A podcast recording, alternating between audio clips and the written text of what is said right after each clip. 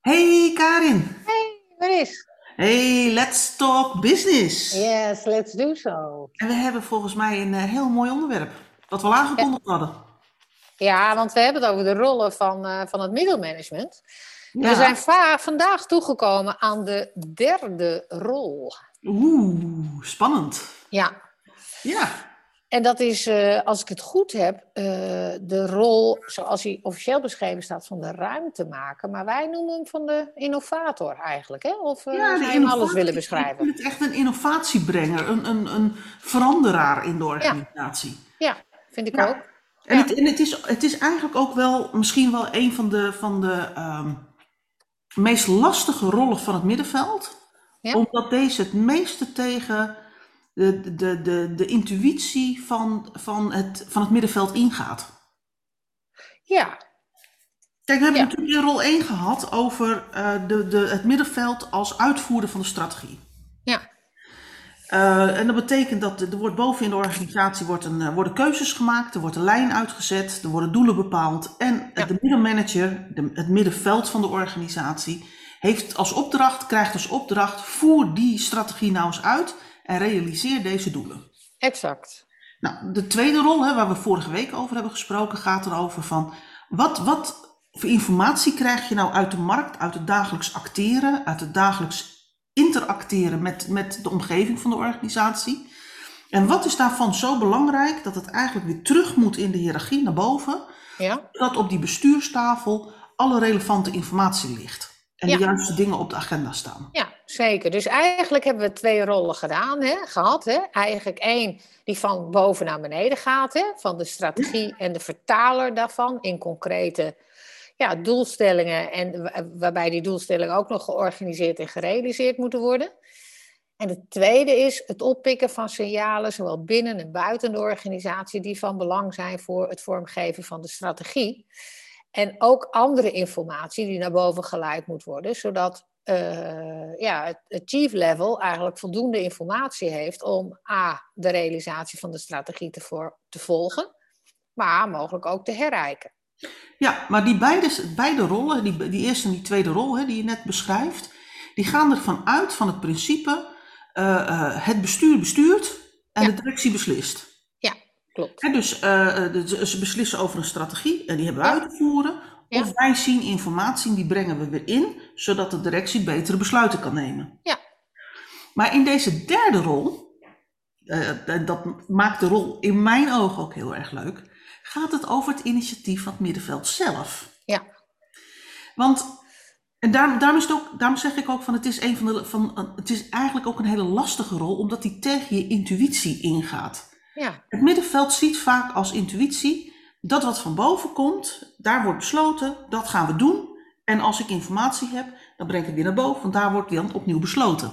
ja, Maar in deze rol gaat het erover, oké, de directie beslist, zet de mhm, koers uit, geeft de acties aan, eh, eh, beslist wel wat, maar beslist niet hoe. nee, En daar zit de innovatie of veranderbaarheid van de organisatie, die in handen ligt van het middenveld. exact. En dat maakt het dus ook een hele spannende rol. En dat maakt ook dat heel veel mensen die in het middenveld werken, daar best onzeker over zijn. Van wat mag ik wel en wat mag ik niet? Nee, klopt.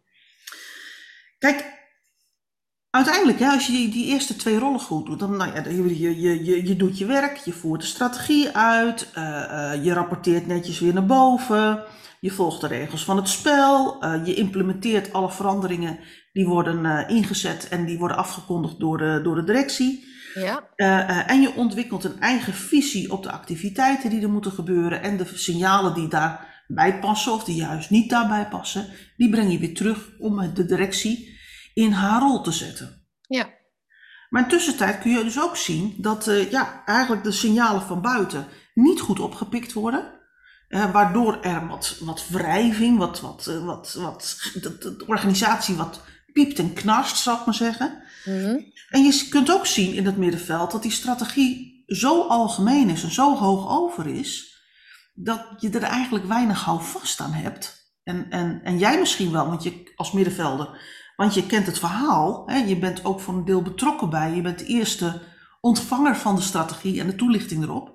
Ja, En je kunt ook merken dat die voor de, voor de mensen die onder jou werken, dat, dat die strategie daarvoor gewoon te weinig houvast geeft. ja, En in die vertaling en invulling en, en, en hoe we het dan gaan doen, mhm, daar zit die derde rol van het middenveld. ja.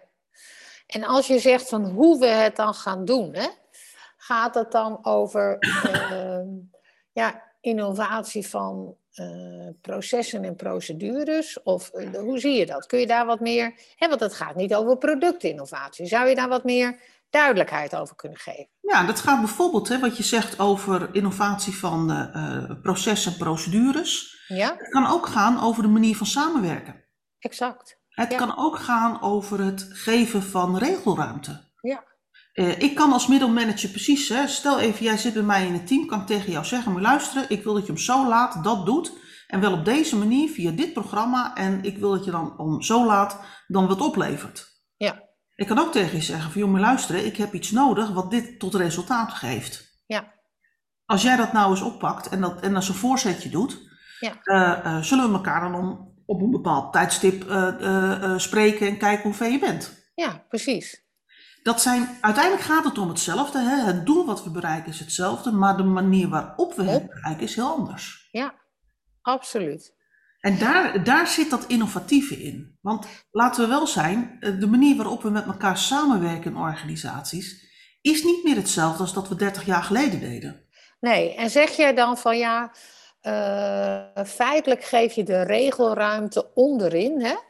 Waarbij je eh, het operationele veld eh, de keuze eh, geeft om zelfstandig na te denken en daar de best mogelijke manier voor aan te dragen. Ja, ja, en uiteindelijk beslist het middenveld wanneer je dat wel doet en wanneer je dat niet doet. Hè? Exact. Ja. Want niet alle omstandigheden zijn gelijk. Ik, ik noem het Nee. maar eventjes in, in een organisatie die redelijk stabiel draait, in, in, een, in een redelijk stabiele context. Hè? Dat kan Ja. ook heel stabiel veranderend zijn. Hè? Ja, Daar kun je eh, eh, eh, taken en bevoegdheden vergaand decentraliseren. Dus laag in de organisatie leggen. ja, Maar op het moment dat je dan bijvoorbeeld te maken hebt, we zagen dat bijvoorbeeld aan het begin, excuus, aan het begin van de coronatijd heel erg, ja, is dat opeens de omstandigheden heel erg veranderen. En dan kun je nog zo, zeg maar, aanhanger zijn van zelfsturende teams. mhm, Maar op dat moment gaan de teams toch kijken naar de leidinggevende, in dit geval het middenveld. mhm. In termen van, zeg jij maar wat we moeten doen. Ja. Dus, dus het is ook heel erg eh, contextgebonden, situatiegebonden. eh, eh, de voorspelbaarheid van de omgeving telt Ja. heel erg mee in wanneer je wel delegeert en wanneer je niet delegeert. Oké. En ehm, ehm, vereist dat dan ook iets aan competenties van mensen die in dat middenveld zitten? Nee, want ik kan me voorstellen dat, dat dit eh, de rol van het middenveld best wel complexer maakt. Ja, maar dat is ook zo. Want eh, kijk, aan de ene kant moet je gewoon zorgen dat de dingen gedaan worden die gedaan moeten worden. Ja, En, en eh, als dat nodig is, als de organisatie dat nodig heeft, of, of als de context ernaar is, zul je daar gewoon sturend in moeten zijn. ja, Want je moet wel een bepaalde effectiviteit en ook met name een bepaalde efficiëntie bereiken. ja, Maar in andere omstandigheden is het juist heel belangrijk dat je die, die, die, die krachten, die competenties en dat potentieel wat in de organisatie zit, dat je dat aanboort om de organisatie, zeg maar, zoveel mogelijk toegang tot dat potentieel te geven. Ja. En dat potentieel ook in te kunnen zetten. ja. En daar hoort dus verschillend gedrag bij, hè, als middelmanager. Oké. Kijk, op het moment dat je zegt van, eh, ehm, het is nu even een moment van niet lullen maar poetsen. Bijvoorbeeld er dreigen deadlines niet gehaald te worden. Of er is een plotseling van buiten komend groot onheil. Ja. Ja, dan moet je gewoon eh, eh, routines installeren. En je moet afdwingen dat die routines ook gevolgd worden. Ja. Dan heb je een hoge mate van interne voorspelbaarheid dat je een bepaald resultaat bereikt. Ja, en dan ga je dus ook zitten op eh, kijken of opdrachten ook via een eenvormige wijze worden gerealiseerd. Bijvoorbeeld. Ja. Maar op het moment dat je, dat je eh, eh, wat meer ruimte hebt hè, en, en, en meer dat potentieel wil aanboren, dan zul Ja. je veel meer in plaats van routines, zul je veel meer zeggen van joh, weet je, eh, dit is de opdracht, dit is de tijd, dit, is, dit zijn de middelen die je ervoor krijgt. Ja, Experimenteer nou eens hoe je dit in een, in een, in een team of in een multidisciplinair team of misschien voor één medewerker, ja, hoe je dit kunt oplossen. Precies. Want laten we wel zijn, de manier waarop ik dingen aanpak, hoeft niet Ja. per definitie de meest efficiënte en effectieve manier te zijn voor jou om het te doen. Ja, en daar zit dus ook een ontwikkelmogelijkheid van de organisatie in. Omdat je dan ook zeg maar accepteert dat in eh, mijn manier, hè, dat daarin ook fouten gemaakt mogen worden. Ja. Ja, en en, dat en, daar. en dus ja. ook accepteren dat, dat wat voor mij het beste werkt om iets aan te pakken, dat dat niet per definitie ook voor jou de beste manier hoeft te zijn. Nee, precies. En, en dan, dat vergeten we wel eens. Hè? Dat, eh, dat, eh, eh, ik zie heel veel mensen in het middenveld echt acteren zo van ja, maar weet je, ik ben, ik ben opgegroeid in dit vak. Ik ben opgegroeid in deze afdeling. Ik weet precies wat er moet gebeuren en wat de beste manier is om het te doen. Ja. En ik denk dan altijd ja, de beste manier voor jou. Ja. Maar Miska, eigenlijk als ik het een beetje samenvat, zeg jij van ja, dat, dat, dat die ruimtemaker, de, die innovatieve kant van het kan. En eh, de touwen aanhalen als het moet. Dus controleren of het, of het eh, op de juiste manier en voorgeschreven manier gebeurt als het moet, als de omstandigheid daarnaar vraagt. En ruimte geven als het kan, zodat er in de organisatie ook ontwikkelpotentieel wordt aangeboord. Zie ik dat Ja. juist? Ja, en eigenlijk kun je dus zeggen, als je, als je het iets specifieker maakt, zeg je van de vraag die er ligt in deze rol is, kun je ruimte creëren in de organisatie om meer te innoveren, vernieuwen, ondernemerschap te stimuleren, zonder dat je daarbij de, de strategie frustreert. Ja, En want je moet geen andere dingen doen dan Nee. zeg maar, overal in de, voor de organisaties zijn bepaald. nee, precies. En, en ook zonder dat je aan operationele efficiëntie en effectiviteit inboet. Helder. Dat zijn eigenlijk de kaders waarbinnen je als middenveld, eh, middenveld mag acteren. Ja. Vandaar dat ik zeg, het gaat er, die innovatieve kracht gaat er niet zozeer om wat je doet Nee, of wat je oplevert, maar het gaat over hoe je het doet. Exact. Hoe kom ik tot dat doel? Ja. En, daar, zeg maar, daar kunnen we als organisaties veel creatiever, veel innovatiever eh, mee omgaan. Sterker nog, ik denk dat we dat moeten. Oké, want uiteindelijk gaat het er wel om dat, het, dat de efficiëntie en de effectiviteit wordt vergroot naar K1. Ja, want kijk, op het moment dat je mensen uitnodigt om te experimenteren met nieuwe werkwijzen, Ja, dan zeg je feitelijk ook, eh, eh, eh, maak maar fouten en leer van die fouten. ja, precies. Want daardoor ontstaan er nieuwe inzichten waarop we als, als, zeg maar als, als team of als organisatie die stap kunnen maken naar een hoger niveau. Ja, ons kunnen precies. ontwikkelen. Ja, Terwijl als we vasthouden aan de procedures en de processen die we al met elkaar hebben afgesproken op dit niveau, Mhm. dan weten we zeker dat we nooit die stap vooruit kunnen maken. Nee, Alleen je moet niet altijd zeg maar, van je procedures en processen af willen stappen. nee. Er zijn gewoon momenten dat je gewoon, ik bedoel maar, ik vind, niet moet lullen, maar gewoon moet poetsen. Ja. Hey, nou wat anders. Hè? Maakt positioneringskeuze van de organisatie. Hè? Dus de manier waarop de organisatie zich strategisch in de markt wil, wil laten zien. Maakt dat, maakt dat ook nog uit? Even, daar zal ik even, even heel snel over nadenken. Ik denk het niet. Nee, volgens mij ook niet. Ik denk wel dat de, de ruimte die je hebt in termen van waar laat ik de teugels vieren en waar trek ik ze aan. Ja. want daar gaat dit feitelijk over, dit, deze derde rol. Eh, eh, eh, daar zit wel variatie in. Hè? In een differentiatieorganisatie gaat het nou juist om heel erg eh, stimuleren van anders denken, innovatief zijn.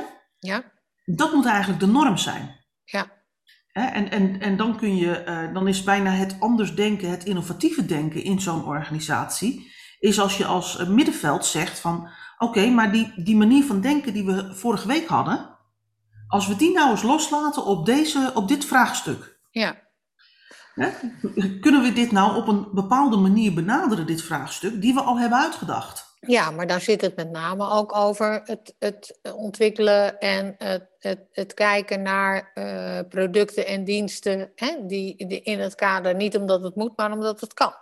Ja. En in de focusorganisatie ja, zit, zit de, de- de innovatie en de regelruimte volgens mij met als oogmerk hè, dat, dat de klant eh, meest maximaal eh, bediend moet worden en de klant maximaal tevreden moet zijn.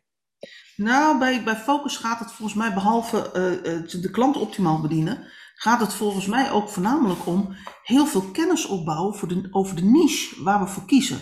Ja. Wil niet altijd zeggen dat de klant altijd het maatwerk krijgt wat hij wil, maar wel uh, dat hij uh, dat hij die producten en diensten krijgt die wij hebben ontworpen op basis van onze ultieme kennis van deze doelgroep. Ja, het gaat niet over de individuele klant, maar het gaat wel over de klant als doelgroep. Yes. Ja. En, en als je het hebt over een kostleaderorganisatie, dan zit die regelruimte volgens mij in uh, het ontwerpen van, van uh, nieuwe processen. Hè? De innovatie moet daar met name zitten op hoe krijgen we het proces nog efficiënter ingeregeld. Ja. En wat is werkbaarder misschien ook ja, wel. Precies. En ik denk dat een, een, een, belangrijke invulling ook bij deze derde rol is, is eigenlijk mindset. En daar gaat, Ja. gaat het natuurlijk voor een belangrijk deel ook over. Ja, Is dat op het moment dat er iets onverwachts gebeurt, intern of extern, eh, dat je dat niet ziet als een bedreiging, maar als een mogelijkheid om vanuit daar, nieuwe situatie, nieuwe context, eh, eh, weer stappen vooruit te maken. exact.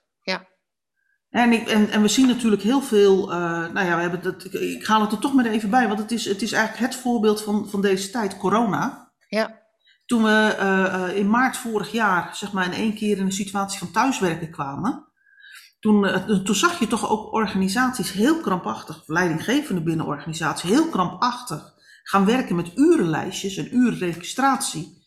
En ik moet kunnen volgen wanneer jij aan het werk bent.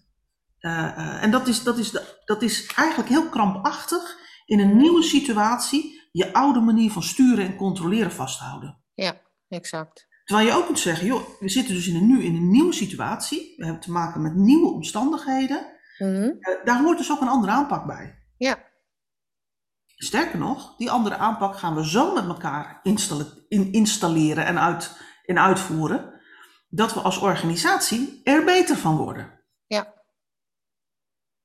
Ah, en als het goed is, wordt het werk dan voor iedereen leuker. ja. Dat is een, dat is een, beetje, een beetje de, zeg maar, eh, de, de, de truc van dit alles. Ja, precies.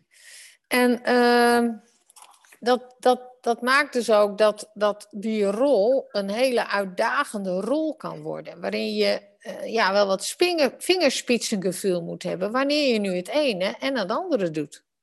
Ja, want feitelijk gaat het om, om, om een soort van. eh, je, je zou bijna zeggen een tegenstelling, een dilemma, een paradox. Ja. Dat is het volgens mij niet, maar, maar laat me eventjes als op, op die manier benaderen. Waarbij je zegt aan de ene kant gaat het over innoveren. Dus, dus het verhogen van de variatie die je hebt in de manier waarop je werkt.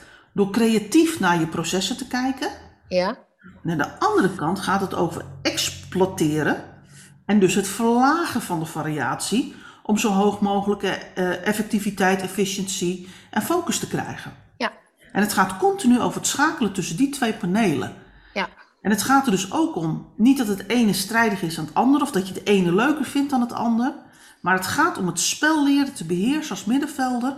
Wanneer moet ik het ene doen en wanneer moet ik het andere doen? juist.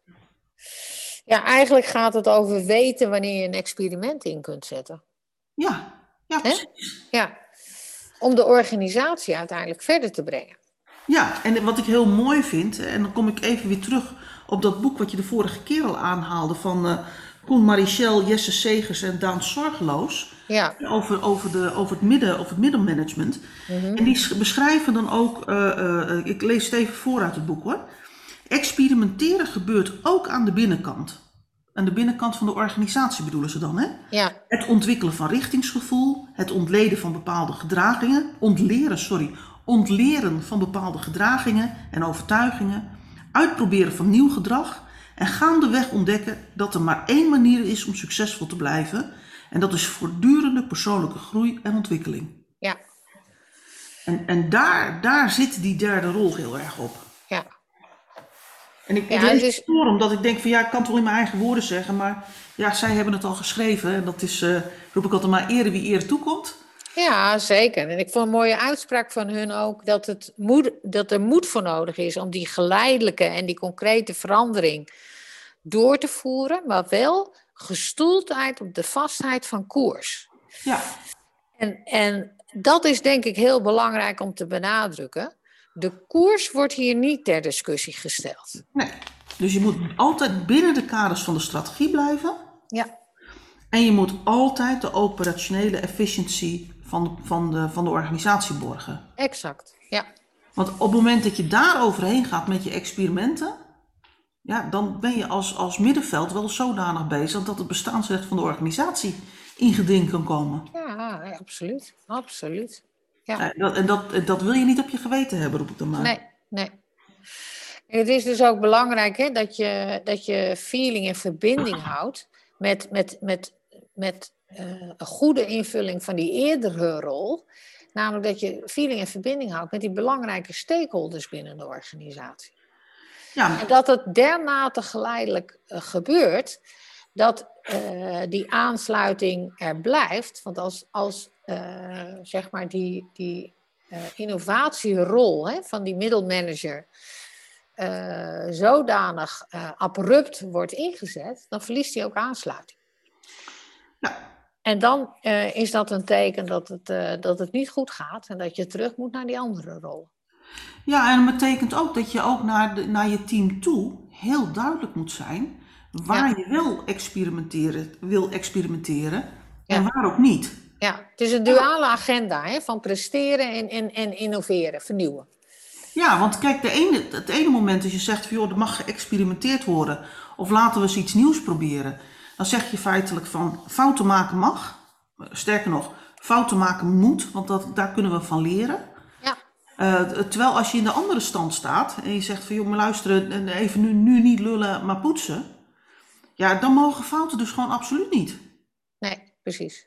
En dat kan voor mensen die in het team zitten, die onder jou werken, kan dat wel eens heel verwarrend zijn. Ja. Dus dat betekent ook dat er heel veel wordt gevraagd van communicatie. Zeker. En, en, volstrekt veel duidelijkheid. Ja, absoluut. Ik, ik, ik zei vroeger dat ik kan heel slecht tegen uh, schreeuwende kinderen. Dat is best lastig als je zeg maar twee kinderen hebt. Ja. Uh, uh, en ik had dus altijd het, zeg maar, een hele duidelijk, dus een beetje hetzelfde. Hè? Je weet dat kinderen af en toe lawaai moeten maken. Maar ik word gewoon heel snel geïrriteerd van lawaai maken de kinderen. Ja. En ook dan moet je dus naar je kinderen toe volstrekt duidelijk maken nu is er een omstandigheid, nou mag je lawaai maken. En nu is er een andere omstandigheid, en dan mag je geen lawaai maken. En, en het gekke is, wij kunnen, dat, wij kunnen die boodschap als mens allemaal heel goed ontvangen.